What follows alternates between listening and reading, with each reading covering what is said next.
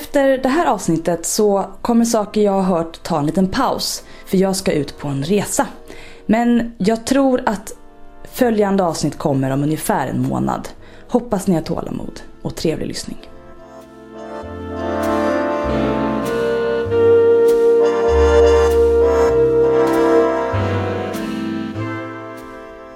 Som särskilt obehaglig upplevde européerna den ryska bröllopsceremonin. Vid vilken brudens far överlämnade en piska till brudgummen som tecken på att den äkta mannen hade rätt att aga sin hustru. Enligt den motsvarande bröllopsseden hos germanerna överräckte fadern ett svärd till brudgummen. Eftersom den germanske mannen innehade makten över sin hustrus liv och död. Välkomna till eh, ett nytt avsnitt. Podd. Jag har försökt komma på vad det heter. Jag, jag tycker vi kan säga avsnitt. Vi säger avsnitt. Alla andra säger välkommen till en ny podd. Fast podden har ju varit hela tiden. Vi är ju podden. Ja. Vi är inte nya, vi är gamla. Av Av eh, saker jag har hört med mig, Emily Zackrisson. och med mig, Freja Holmberg. Och vi har återkommit till en annan gammal grej. Mm. Det här fantastiska citatet. Ja. Det här är ett citat från, återigen, våran kära bok Evas döttrar av Kari Utrio. Och den eh, handlar om eh, kvinnors historia i Ja. Europa framför allt. Men också i andra länder. Och nu läste jag ett kapitel om den ryska kvinnan. Och jag tycker det är ganska kul här hur eh, européerna upplevde det var så obehagligt att brudgummen fick en piska. Men själva gav de ett svärd. liksom. Jag undrar om det handlar om så här association. Att, så här, att piska är så oerhört förknippat med, med prygling på något Ja. Medan svärdet är lite mer all Det är around. så här allt eller inget liksom. Vi tar aldrig fram svärdet om det inte behövs verkligen. Mm. Men pisken kan man ta fram lite när man vill. Ja, den kan man alltid ha sittandes där i, i bältet. Men Ja. du sitter ju liksom inte med en, ett svärd i knät till köksbordet. Men en piska, är inga problem. Nej. Nu rullar du bara ihop. Precis Men- som Indiana Jones. Det följs också av det här eh, citatet. Det var en så allmänt vedertagen sed i Ryssland att prygla hustrurna att man påstod att den ryska kvinnan blev olycklig om inte maken pryglade henne ofta och hårdhänt. Men alltså, Jag blir så, jag blir så trött. Ja, man blir väldigt trött. Det här är ju... Du måste prygla din kvinna, kvinna Vladimir, annars så... Men, men det är ju som den här den ständiga lögnen. Eh, du älskar dem du agar och du agar dem du älskar. Just det. Men det är förknippat med barn. Oftast är ju för sig kvinnor och barn ihopbultade. Ja, det är de. Kvinnor och barn först. Även i mjuk snö brukar man ju säga. Även i mjuk snö. Eh, nej men vi ska prata om makt idag. Ja, makt och eh, hur man eh, bär sig åt för att eh, få den, behålla den eller vad som händer om man förlorar den. Ja, i det här citatet så är det uppenbarligen en person som, eller en, en part som har den och en part som aldrig haft den. Aldrig haft den. Aldrig varit i närheten. Nej. Eh, det här med att gå från sin, sin far till sin make. Japp. Eh, omyndigförklarad. Och så Ja. vidare. Och sen så, det följs liksom inte, ja det blir inte så mycket roligare sen heller efter bröllopsnatten då. Där det, förutom eh, detta så skulle även kvinnan eh, eh, knyta sin mans skor. Som en symbol på att hon var undergiven och gjorde allt han bad henne. Va? Ja, i bröllopsceremonin. Det känns Eh. som att hela den här bröllopsceremonin som vi idag så brukar vi ju prata om att så här Eh, åh, det är brudens dag och det här är liksom, det här är för att fira bruden och det är brud, brudens klänning är mer påkostad och, och det är liksom kvinnan som står i centrum. Men från början så verkar det bara vara en enda stor lång eh, förödmjukelse. Ja, det var ungefär som när, vad heter hon? I Game of Thrones. Hon den onda drottningen när hon gick genom gatan och alla sa shame, shame, Mm. shame. Ungefär så var ett bröllop i Ryssland under 1400-talet. Ja, misstänker att eh, även om... Eh, det här är ju också att vi tycker att de är så konstiga Ja. i Ryssland. Cersei heter hon. Mm, Ja, Cersei heter hon. Ja, alltså det här är ju från ett... Eh, Undrar om de har hittat inspiration till den scenen. Från sjuka bröllopsceremonier säkert. runt om i världen. Ja. säkert. Usch, vad hemskt. Men sen så fortsätter det efter bröllopet. Då händer detta. Kvinnans extrema underkastelse avspeglade sig i männens beteende på samma sätt som i Europa. Det var alltså inte så stor skillnad. Som fruktan och hat. Misogynlitteraturen stod högt i kurs i synnerhet på 1600-talet då kvinnans ställning var som mest miserabel. Kvinnan stängdes in i vad som kallas för ett terem och lämnades helt utan utbildning varefter hon ansågs dum. Religionen upprepade kyrkans påståenden om den kvinnliga naturen och karaktären. Kvinnan var svag, liderlig och full av ondska, oförmögen till det goda, vacklande i sin tro. Det här tycker jag också är så himla spännande. Att kvinnor är eh, farliga, Mm. men de är också dumma. Så som är korkade, inte elaka. Mm. Eh, men de är också svaga, men de är ändå så pass farliga att vi måste stänga in dem. Mm. Det är en väldigt ambivalent relation här. När jag läser allt det här, när jag bläddrar i den här boken så, så, så slås jag liksom... Jag kan inte förstå vad det är som gör att man hatar kvinnor så mycket i hela världen. Vad, fi- finns det någon rimlighet? Var, var börjar det någonstans? Jag vet inte heller. Jag tänker att vi kanske börjar någonstans långt, långt, långt tillbaka. Där vi inte minns. Men samtidigt... Eh, jag kan också, nu när jag, nu när jag sitter här och babblar, Mm. så kommer jag att tänka på den, en väldigt fundamental skillnad mellan, eh, om man nu ska prata i tvåkönssystemet, Ja. Som vi tyvärr gör. som vi tyvärr förhåller oss till. Mm. Men det, människor med slash utan livmoder. Mm. Någonstans är ju det den, den absolut största skillnaden mellan oss. Muskelmassa hit eller dit är Ja, ja. slängda i väggen. Ja. Utan det, det, Barnafödande eller icke barnafödande. ja, ja. och någonstans så kan ju inte... Det är ju någonting du inte kan göra någonting åt. Har du inte en livmoder så har du inte en livmoder.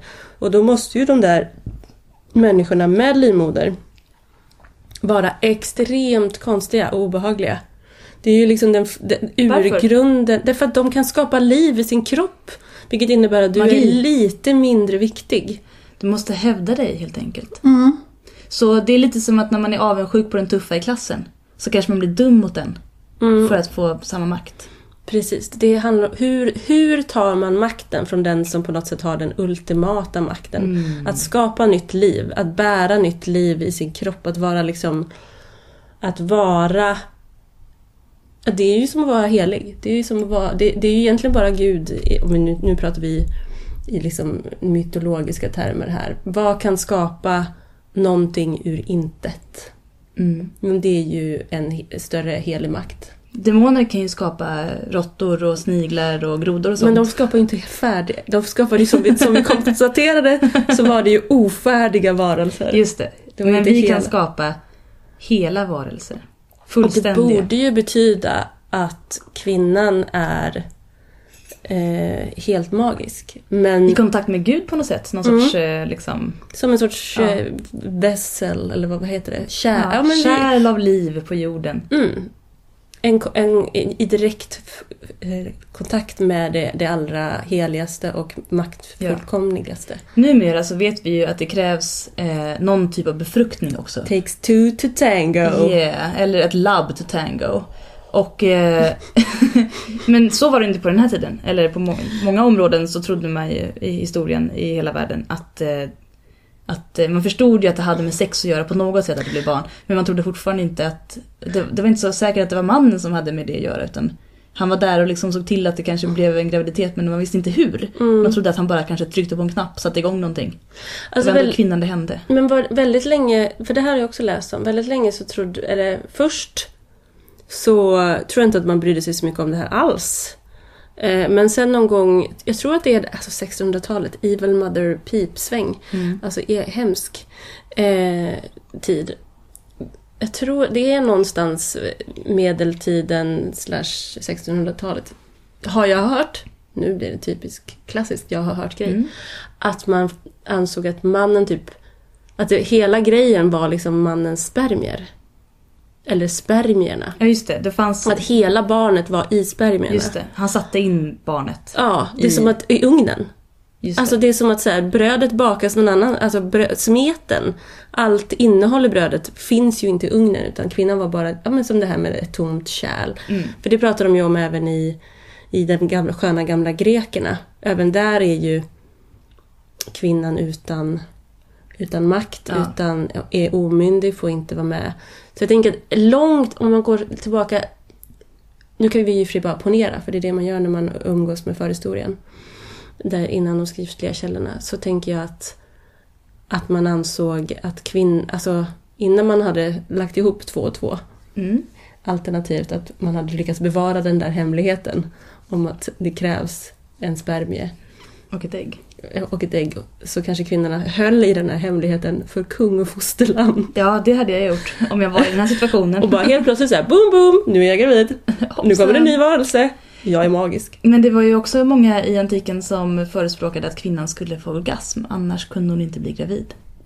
Och det tar de ju upp igen också på, på 1600-talet. Att det Mm. krävs. Även Linné skriver ju om det på tidigt Ja, 1700-tal. Det att blir bättre då. Vad i fridens namn skulle man... Varför skulle man annars ställa upp på den här skiten? Men vet ni vad som hände sen? Sen kom fransmännen och så gjorde de en vetenskaplig citationsteckens eh, undersökning Mm. under 1800-talet. Där de eh, drogade olika prostituerade kvinnor och våldtog dem och kom fram till att hon visst kunde bli gravid utan att få orgasm. Alltså... Tack vetenskapen! vetenskapen. Alltså kunskap är ju makt. Det är väl kanske det vi konstaterar här. Mm. Precis, vi ska inte gå utanför ämnet men eh, Allting makt. går ju tillbaka till att eh, om du kontrollerar eh, hur verkligheten uppfattas och vad som är, hur den fungerar så kan du ha makt över människor. Ja. Och eh, kunskap till exempel då om eh, världen i form av utbildning eller om eh, religion. Mm. Till exempel då undanhölls ju från kvinnorna i Ryssland under 1600-talet som satt i sina terem och bara väntade på att bli underhållna eller Mm. påsatta. Eh, och då ansågs vara dumma, inte konstigt om man sitter i ett ensamt rum hela dagarna. Mm. Eh, vi har också en fantastisk berättelse om en Vladimir som citationstecken uppenbart var intresserad av kvinnor. Han hade ja, så många som sex hustrur och 800 bihustrur. Han hann ens träffa. Alltså så här, på, jag tänker på, på ett år så är det ju 365 dagar. Mm. Hur, har han, hur långt går det emellan att han träffar vissa av de här personerna? Ja, han, eller har folk valt in dem åt honom? De här bihustrurna? Eller har han valt dem, har han pekat så på stan? Hon och hon och hon. Har han någonsin sagt hej till dem ens? Han kanske bara tar hela syskonskaror. Säkert. Ja. Han bara, oj, råkade döda er far. Alla döttrar blir hustrur. För det är ju så han skaffar sig sin första hustru. Ja, en klassiker. Rogneda. Rogneda var dotter till fursten Polotski. Eh, hon sa nej när Vladimir friade. Klassiker. Klassiker. Och eh, enligt rysk lag på den här tiden, eh, på 1700-talet. Nej, Nej, 1600-talet. Ja, Nej 16... är, är inte det här Nio. 900-talet? Vänta, ja, jag läste. Det finns så många årtal här. Eh, bu, bu, bu. Ja, du har rätt. 900-tal efter Kristus. Eh, och då var det, alltså på 900-talet var det alltså bättre under 1600, än under 1600-talet. Definitivt. Hon sa i alla fall nej till Vladimir. När hon eh, blev fria till under 900-talet. Och eh, han blev sur. Han tänkte inte ta det. Han tog inte det så bra kan Nej. man säga. Så hon meddelar då eh, högdraget står det här att hon inte gick med på att hjälpa en trälpojke av med stövlarna. Vilket då skulle vara en del av eh, bröllopsceremonin på den här tiden. Hon ville inte gifta under sig. Nej. Och han var väl antagligen av lägre börd. Ja, han hade en mamma som var en tjänarinna. Eh, Ah, och hon oj. var från en fin förstefamilj. Så hon sa nej. Eh, vilket då utifrån hierarkiska ståndpunkter i olika eh, krig, vad heter det? Ja. Stå, högst stående familjer så var det rimligt att inte gifta sig med någon annan. Framförallt så är det också så att kvinnor kan ju inte... Kvinnor kan gifta upp sig. Mm. Men... Och gifta ner sig. Medan männens ställning är konstant. Ja, Eh, man kunde liksom inte gifta sig med en hög, högre stående kvinna och då komma upp sig. Utan då fick ju hon säga tack och adjö till alla sina privilegier och Ja. möjligheter till ett... och gå ner till hans nivå. Ja. Hon var rörlig, han stod fast. Japp. Eh, vad som händer då är spännande. Då händer det här. Eh, I och med att hon hade rätt att säga nej till äktenskap så gör hon det. Men följderna var ändå väldigt dåliga här. Vladimir som då var furste av Novgorod tog livet av Rognedas far och bröder och gifte sig med våld med Rogneda. Därefter dödade han sin egen bror, fursten av Kiev, och gifte sig med hans hustru också. Alltså, Alltså, you vad, go fan?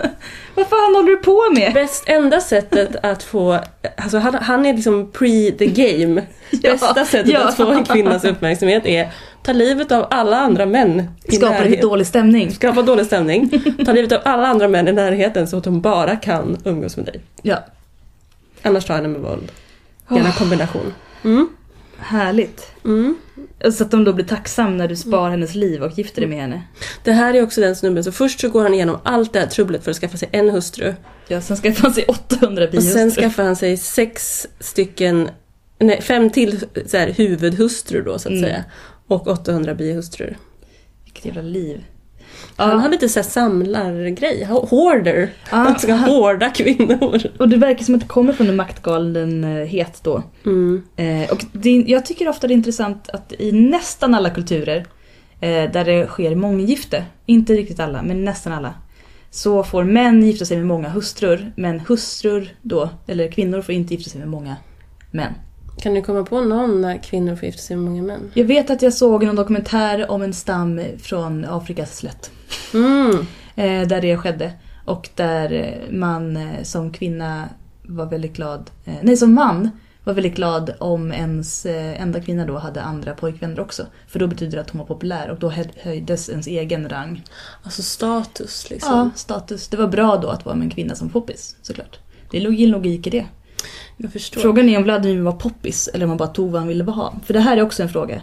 Att få makt eller ta makt är stor skillnad.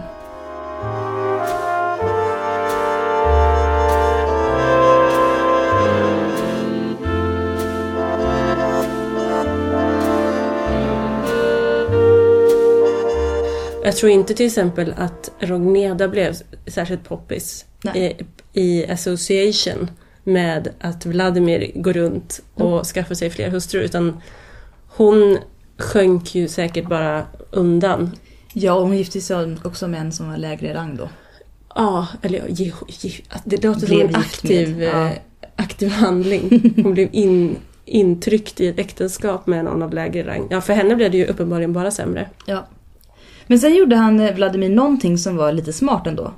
Det enda som han gjorde i sitt liv som jag tycker var lite strategiskt kanske. Mm. Eh, utifrån hur, hur kungahus brukar bete sig. Han gifte sig med en prinsessa från Konstantinopel Mm. som hette Anna.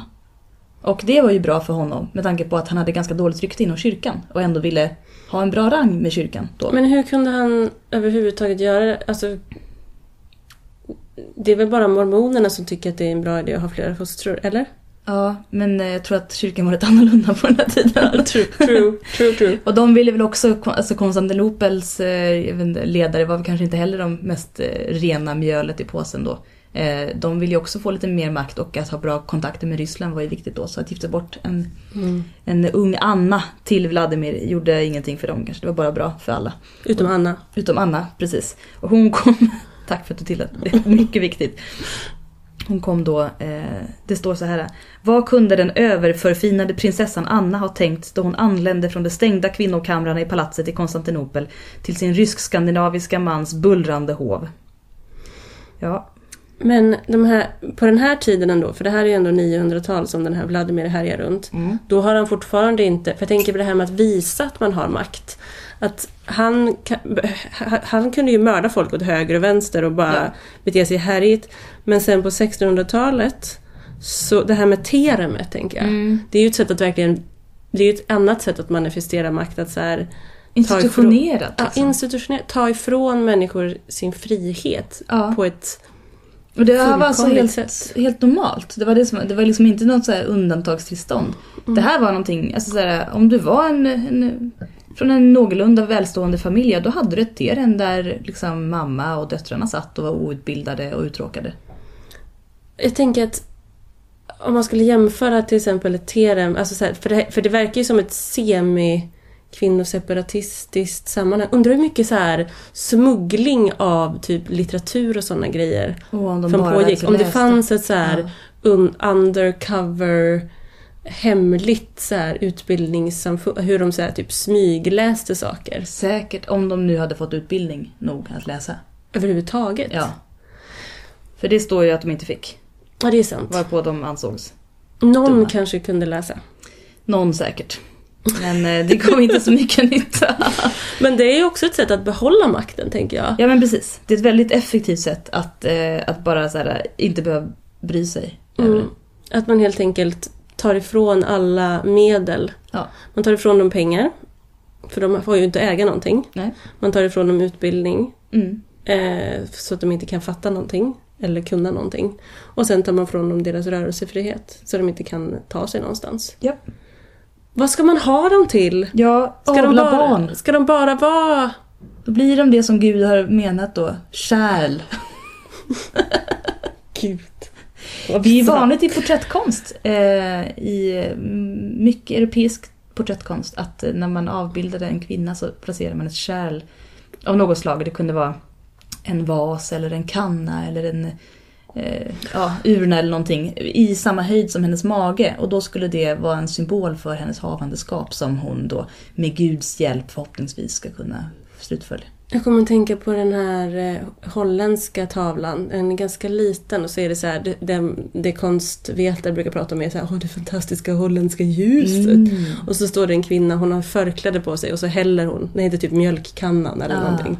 Och så har hon, har, jag tror, i min hjärna i alla fall, så är det så att hon har mjölkkannan i en väldigt, väldigt passande höjd. Ah, ja, ja, ja. Hon står också, tror jag, i ett kök. Det låter väldigt symboliskt. Typ, this is your place. Yes. Kom och fyll mitt kärl. Mm, jag hör hemma här. Japp. Naturligt. Usch. Usch. Ja, men det här med att gifta bort till och från, det är någonting som egentligen alla kungafamiljer som vill ha bra relationer med andra kungafamiljer håller på med genom historien. Alltså det är ju en väldigt, jag skulle säga att det, det är ju ett politiskt. Ja. För barn i sin tur är ju en vara, det har vi pratat om förut. Mm. Och ett sätt att, eh, eh, vad heter det? Knyta band.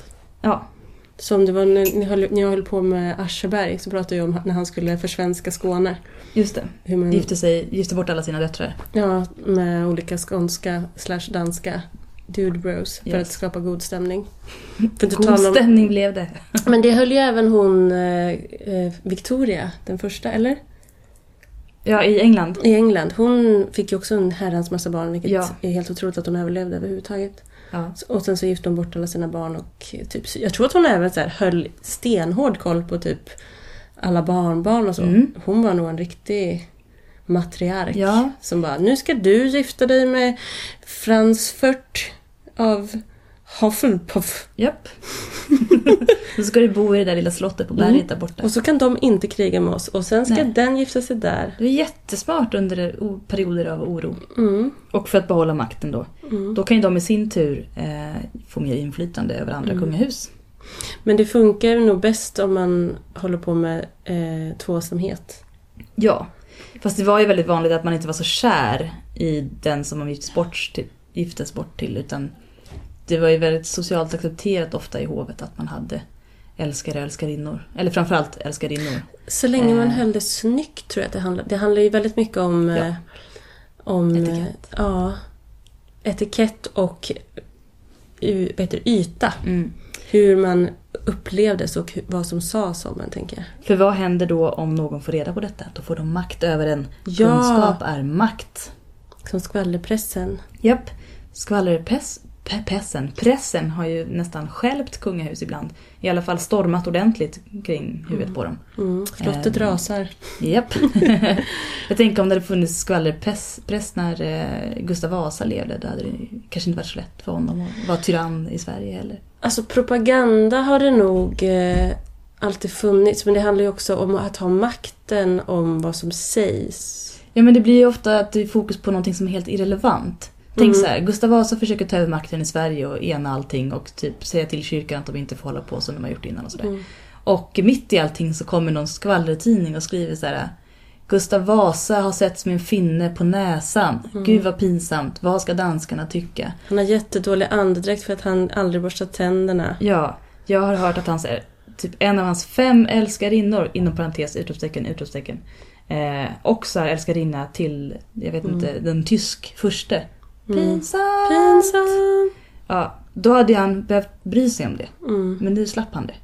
Men jag tror mycket att anledningen till att skvallerpress inte funkade på den tiden var om du säger det här om mig så kan jag döda dig. Ja, det är Alltså, sant. alltså, Det var lite bättre klimat då. Lite enklare. för jag tänker så här, skvallerpress på typ vikingatiden. Alltså, om man sa något dumt om någon så bara, ja men jag tänker hugga av dig en, ett ben. Ja, att kränka någon var ju farligt. Det var Ja, inte som att man skämde på varandras bekostnad på samma sätt. Om man inte verkligen ville döda varandra.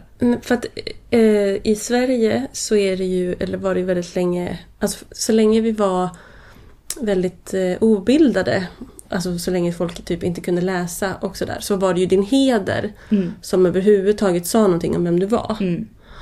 Eh, obildade, gud vad elitistiskt det lät. Men ärekränkning är ju ett av de absolut vanligaste brotten eh, som tas upp. Det är Mm. jätte, jättevanligt. Ja, det, och det är ganska roligt när man så läser om, för det har jag läst om, en del här i Göteborg, på det, roliga, det jätteroliga arkivet Olga Dahl som finns eh, Jaha. på internet. Internets. Men i alla- interweb. Det är interweb. Om man vill veta vad som pågick på 1600-talet. Då är det väldigt mycket det här med att folk så här är fulla, bråkar och så säger någon att någon är typ en bönhas. Man bara, vad fan är det? Inte vet jag. Det är någon som typ inte riktigt eh, är, är så bra. Ja. Jag tänker böna kunde det varit en, en snygg tjej. Det blev det ju på 60-talet men det kanske inte var det på 1600-talet. På 1600-talet så var ju bön bön. Jaha, bön som i bön. Ja, att man, inte, att man är en, en dålig kristen helt En enkelt. hasande bön. Ja, men man är, ja, man är helt enkelt en ganska dålig kristen tror jag att Jag det går ut på. förstår. Och det ville man ju inte vara för det var ju olagligt. ja, Eh, att vara dålig på att vara kristen. eh, sant. så då... Och då fick man helt enkelt be om ursäkt och oftast betala böter. Ja, till personen. Mm, Ja. Om man inte ärekränkte fel person. Just det, då Man skulle snabbt. till exempel inte ärekränka uppåt i hierarkierna. Nej, och lagen gällde inte på samma sätt för de som var högre upp i maktordningen. Nej, nej. Det var ju inte de som blev straffade främst eh, om det var någon som gjorde något fel. De som har makten över lagen brukar ju ofta kunna göra lite vad de vill. Japp. Det är ju smart. Mm. Att skriva lagen och sen ändra lagen om det passar en. Mm. Och eh, bara stå undan för att ingen ändå kan säga att man har gjort fel. Gurage gjorde ju det. Han såg ju till att eh, innan honom så gick ju inte kungliga kungaskapet, eller vad man Nej. ska säga. Regentlängden bestod ju inte av eh, ärvd, ärvdhet. Nu hittar jag på massa roliga ord här. Gösta hette han ju faktiskt egentligen, Gustav Vasa. Fast Mm. man säger Gustav idag för att det, var, det blev så i text. Men eh, Gösta, Gösta, Gösta Vasa. ja, Gösta Vasa, jo precis. Han Mm. sa ju så här: nu ska alla mina barn ärva makten. Nej, inte alla mina barn utan alla mina söner. Min äldsta son Ja. som lever. Och eh, sen får de slåss om det så gott de kan då, Mm. om de fortfarande lever. Men, Mm. men det var ju någonting som hade praktiserats innan såklart, men som var väldigt smart för då behöll man eh, makten inom familjen. Jag tycker ju att det var lite smartare om man sa att alla barn hade möjlighet att eh, ärva. Alltså såhär, att det äldsta barnet oavsett kön hade fått ärva för då hade många kungafamiljer kanske inte dött ut. De har ju kämpat med det här. Oj, jag har ingen son. Dessutom så eh, tänker jag att eh, alltså, he, alltså hela ärvgrejen är en dålig idé. Ja, Dels för då blir det, det blir ju att man håller generna väldigt tight. Japp. Och då blir det dåligt. Det är då, genetikens första regel, sprid ut generna. Ja men de har ju andra kungahus att sprida det till. Alla kungafamiljer i Europa är ju släkt med varandra. Mm, och hur låter det? Nej, men då har de i alla fall kanske sju eller åtta familjer att dela med. Det är som en by. Det är inte- som en liten, liten ja, by. Jag har bott i en liten by och... ja, jag säger bara det. Jag säger bara det.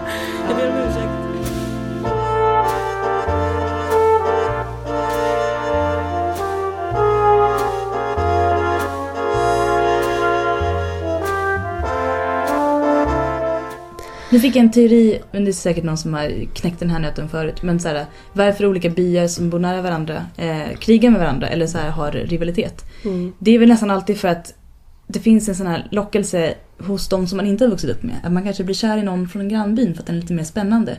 Och då blir kanske någon som också bor i sin egen by svartsjuk. Det vill säga, varför man är arg på en annan by och krigar med den. Eller snackar skit om dem är att man egentligen är svartsjuk. För att ens tjejer går dit.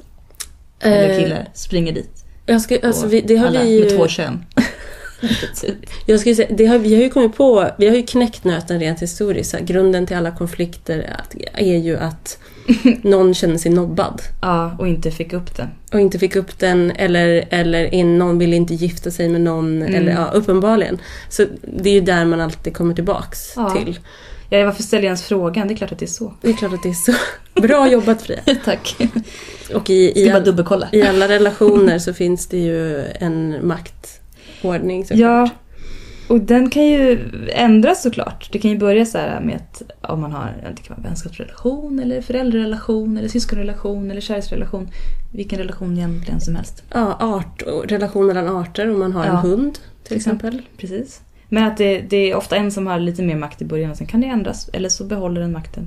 Eh, Men eh, hur behåller man makten i en relation? Har du några bra tips? Jag tänker att man inte ska sträva efter att... Att man ska aktivt sträva efter att inte ha makt just. Men då får man makt. Man ska ha makt över sig själv. Mm. Det här har jag provat i relationer. Kärleksrelationer. Mhm. Då brukar jag bli den som får makten. Om jag bara bryr mig om mig själv, Nej, men, då får jag makten. men att bry sig. Man ska, klart att man ska... Alltså, jag menar att, att ha makt över sig själv behöver ju inte betyda att man... eh, Att man inte ba- bara bryr sig om sig själv. Nej, absolut inte. Och det menar jag inte att jag har gjort heller. Nej. Men att, att inte lägga... Ja, förlåt, fortsätt. Så jag tänker... Eh, nu blir det relationspodden här. Ja, det är bra. Maktrelationspodden. Att, eh, i, att man någonstans... Eh, jag vet inte. Bra tips på att behålla... Jag har nog aldrig lyckats behålla makten. Jag är en väldigt... Jag tror att jag ofta så går upp i att så här, göra andra till lags. Ja. Jag är väldigt dålig på att ha makt överlag. Jag tycker inte om... Men det är också för att jag hatar att bestämma. Jag också. Och det är därför det är så jobbigt. Jag sa ju nu så här, ge tips på hur man behåller makten eller får makten. Men det kanske, man kanske inte vill vara den som har makten för då får man också så mycket ansvar. I en bra, en bra chef, Mm. en bra furste, eller furstinna, Ja. eh, tar ju ansvar. Förstår ju att med, med makt så kommer ansvar. Japp. Och Men- lidande. Och är medveten om att makt korrumperar och att man blir galen av makt. Tyvärr är det inte alltid alla som förstår det. Nej. Eller ens, eh, så själv, självinsikt och att då och då låna ut makten. Att makten är en boll som måste vandra mellan, mellan de inblandade i situationen. Som demokrati menar du? Är demokratin en boll nu? Om demokratin funkar. Om det inte sker så här hjärntvätt och manipulation från media. Och så att alla ändå korruption. gör som man vill. Ja. Eh, jag tror att vi kommer få åter, eh, Ja, åter eh, komma till det här ämnet. Vi- kommer nog inte med några svar idag. nej. Det är bara frågor. Men inom två, två människor-relationen då? Eh, så kan man säga att eh, det, det brukar vara så här att någon har lite mer makt. Eller så är det helt jämnt men det är väldigt svårt. Men det pendlar lite fram och tillbaka. Kanske någon eh, eh, jobbar väldigt mycket och är hemma väldigt lite. Och då kanske den andra känner att den är bortglömd. Och då säger den, jag vill att du ska vara hemma mer. Och då säger den andra personen, men jag kan inte. Och då så är det som att den som är borta väldigt mycket får makt då. För att det är när den är hemma som saker kan hända. Till exempel. Det är ett sånt typiskt exempel på hur det kan bli i en relation. Ja, fast den har ju bara makt om den andra personen Ge det. ger det. Och det är det den gör då. Då säger den så här, okej men då ses vi när du kommer hem. För jag vet att du inte hinner annars. Mm, ja, det är sant. Mm. Mm, jag förstår. Och det är väl det som jag tänker också ofta händer i parrelationer. Det är ju därför man måste eh, se makten som en boll. Precis. Och förstå att i de stunderna, alltså om man då är en sån person som känner så här, oopsie daisy, nu ligger maktbollen hos mig. Ja. Vad kan jag göra för, hur länge har jag haft den här maktbollen? Oj, utan att veta om det. Utan att veta om det eller tänkt på det. För oftast då den personen som har maktbollen tänker ju inte på att den håller i Nej. den. Och då blir det ännu mer så här do shit för att då kanske man går runt och har makt och sen så Mm. beter man sig som att det inte är så. Då kanske så. man ska fundera på vad kan jag göra för att lämna, lämna över maktbollen Mm. eh, och få den andra personen att känna så här, nu kan du få ha kontrollen här lite. Så kan jag ta ett steg tillbaka. Ja. Mm. Hur gör man då? då? då hur, gör, hur lämnar man över maktbollen? Man Slutar gör- man jobba? Ett, en, min, en, eh, nej, men jag tänker, på, jag tänker nog att man tar ett eh, aktivt ansvar för att ses. Ja, till exempel. Man kommer med förslag själv. Min, Man ja, kanske slutar lite tidigare en dag för att visa att man faktiskt ser problemet. Precis. För anträffbarhet Mm. eh, är faktiskt en, eh, en ett, eh, vad ska man säga, hur anträffbar man är, hur lätt det är att komma i kontakt med en, är ett mått på hur mycket makt man har. Just det. Eh, att det bästa sättet att manifestera makt, om man, så är, om man nu skulle till exempel gå utifrån att, att ha makt, eh, är att kunna kontrollera folk, som alla rysk eh, crazy Vladimir, Ja. är ju att vara så oanträffbar som möjligt. Inte alla ryssar ska vi säga. Nej, nej alla Yes. Vladimir style. Ja, alla Vladimir style killar. Ja. Mm. Eller tjejer eller vem som helst. Precis. Ja. Precis som att in, in, inte alla chefer och, och så vidare. Det är väldigt mycket, inte alla idag. Ja. Vi har generalis generaliserat en del idag. Jag hatar att säga inte alla killar och inte alla tjejer. Det finns fler kön än så. Precis. In, Men, oh, ja, generaliseringar. Okej, fortsätt. ni fattar. Mm. Ni med oss. I alla fall. Om man då är, ska visa, ska visa då så här att man har supermycket makt och vill visa det på ett väldigt häftigt sätt. Mm. så ska man ju göra sig själv så extremt oanträffbar som möjligt. Att folk ska jaga efter en. Folk ska lägga tid på att försöka få kontakt med en. Japp. Eh, och man själv, det spelar egentligen inte någon roll vad man gör under den här tiden man gömmer sig. Nej. Du kan Nej. sitta och petra i naveln bara. Precis. Eh, Men du blir viktig då. mm. Du blir eftertraktad. Jag tänker att det är som den här jättesjuka tecknade serien eh, med den här som, fågeln som springer jättefort och vargen som försöker fånga den. Oj, det här känner jag inte till. Det är en jättegammal klassisk eh, grå, gråben, långben och gråben. Ja, mm. Och som alltid slutar med att den stackars vargen bygger en jättekomplicerad fälla. Långben kanske den heter, jag vet inte om den heter långben. Det heter den Ja. säkert inte för det är ju mössens kompis. Ja. Skitsamma. Fågeln Fick deras... kommer springande, eh, tar sig igenom fällan fläckfritt och eh, vargen får ett städ oftast i huvudet. Just det, de här smidesstäden är spännande. De, Mm. de faller alltid från himlen ner. Mm. Han har, Ja, som pianon också. Precis. Pianon och städ. På något sätt har vargen lyckats. Skitsamma. Mm. här, i, den här, I den relationen Ja. så är det väldigt uppenbart att vargen inte har makten. Ja, vilket gör vargen frustrerad för vargen borde ju ha det Mm. för att den är ju stor och stark och farlig. Och att den hela tiden gör sig ill, gör, skadas, mår dåligt. Precis. Den vill ju i och för sig äta upp Det är inte så snällt. fågeln. Nej, så det är ett jättebra exempel. Men tur att fågeln har makten. mm, Eller övertaget då. Mm. Fast den det lever ju också i någon sorts jättegullig eh, värld där den inte bryr sig. Ja. Så det är ju ändå en ganska bra, för att oftast när man har makten, tänk på det alla ni där ute som lever ett, i tvåsamma ja relationer. till exempel. Ja. Att om du går runt och, och är bara frid och fröjd men anar att din partner inte är helt nöjd. Det Mm. kan vara för att du har haft maktbollen lite för länge. Just det. Ja. Mm. Makt är till för att delas, inte för att låsa in en i terem. Ja. Terem är inte bra. Terem är dåligt. Eh, Jag kan ge ett, ett bra exempel på eh, en person, eh, slut, slutligen, som hade väldigt, eh, väldigt omedveten eh, eh, kunskap, som var väldigt omedveten, så heter det, Mm. om sin egen maktposition. Min mormor jobbade på ett sjukhus som läkarsekreterare. Och eh, läkaren som hon eh, var sekreterare till, eh, när hans kalender blev för full så att han kände sig stressad över alla åtaganden och möten och saker han var tvungen att gå på. Då slängde han den i papperskorgen. Och så sa han Gunvor, nu får du köpa en ny kalender. Vilket innebar att han slapp göra alla grejer. Men hon var tvungen att städa upp allt detta och ringa till alla och avboka. Hon fick liksom fiska upp den här eh, kalendern ur soptunnan med alla så här smörgåspapper och eh, gamla äppelskrutt som låg omkring. Och så fick hon titta på alla personer han hade sagt nej till och ringa till dem så att det inte blev dålig stämning. Det var jätteskönt för honom att bara kunna slänga kalendern. Men hur kommer det sig att hon... eh, Ja, hur kommer det sig att det här var okej? För, alltså, hur, hur kommer det sig att, att han bara fick det? Ja, det var ju det var för att hon stödade upp. Hade han gjort det och sen inte dykt upp och ingen hade sagt det, då hade ju folk... Men hade hon fått skit då? Ja, då hade hon fått skit för hon var ju sekreteraren som skulle informera alla och kontakta alla.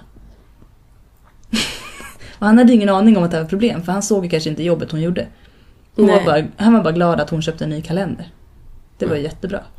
Alltså, Tack Gunvor för att du köpte en ny kalender. Man önskar ju att, att hon hade haft möjligheten att säga så här. Du, när du tycker att det är lite för mycket.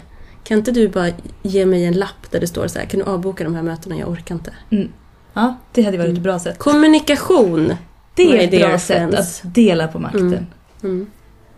Och med det, Eh, så säger vi eh, tack och hej. leverpastej.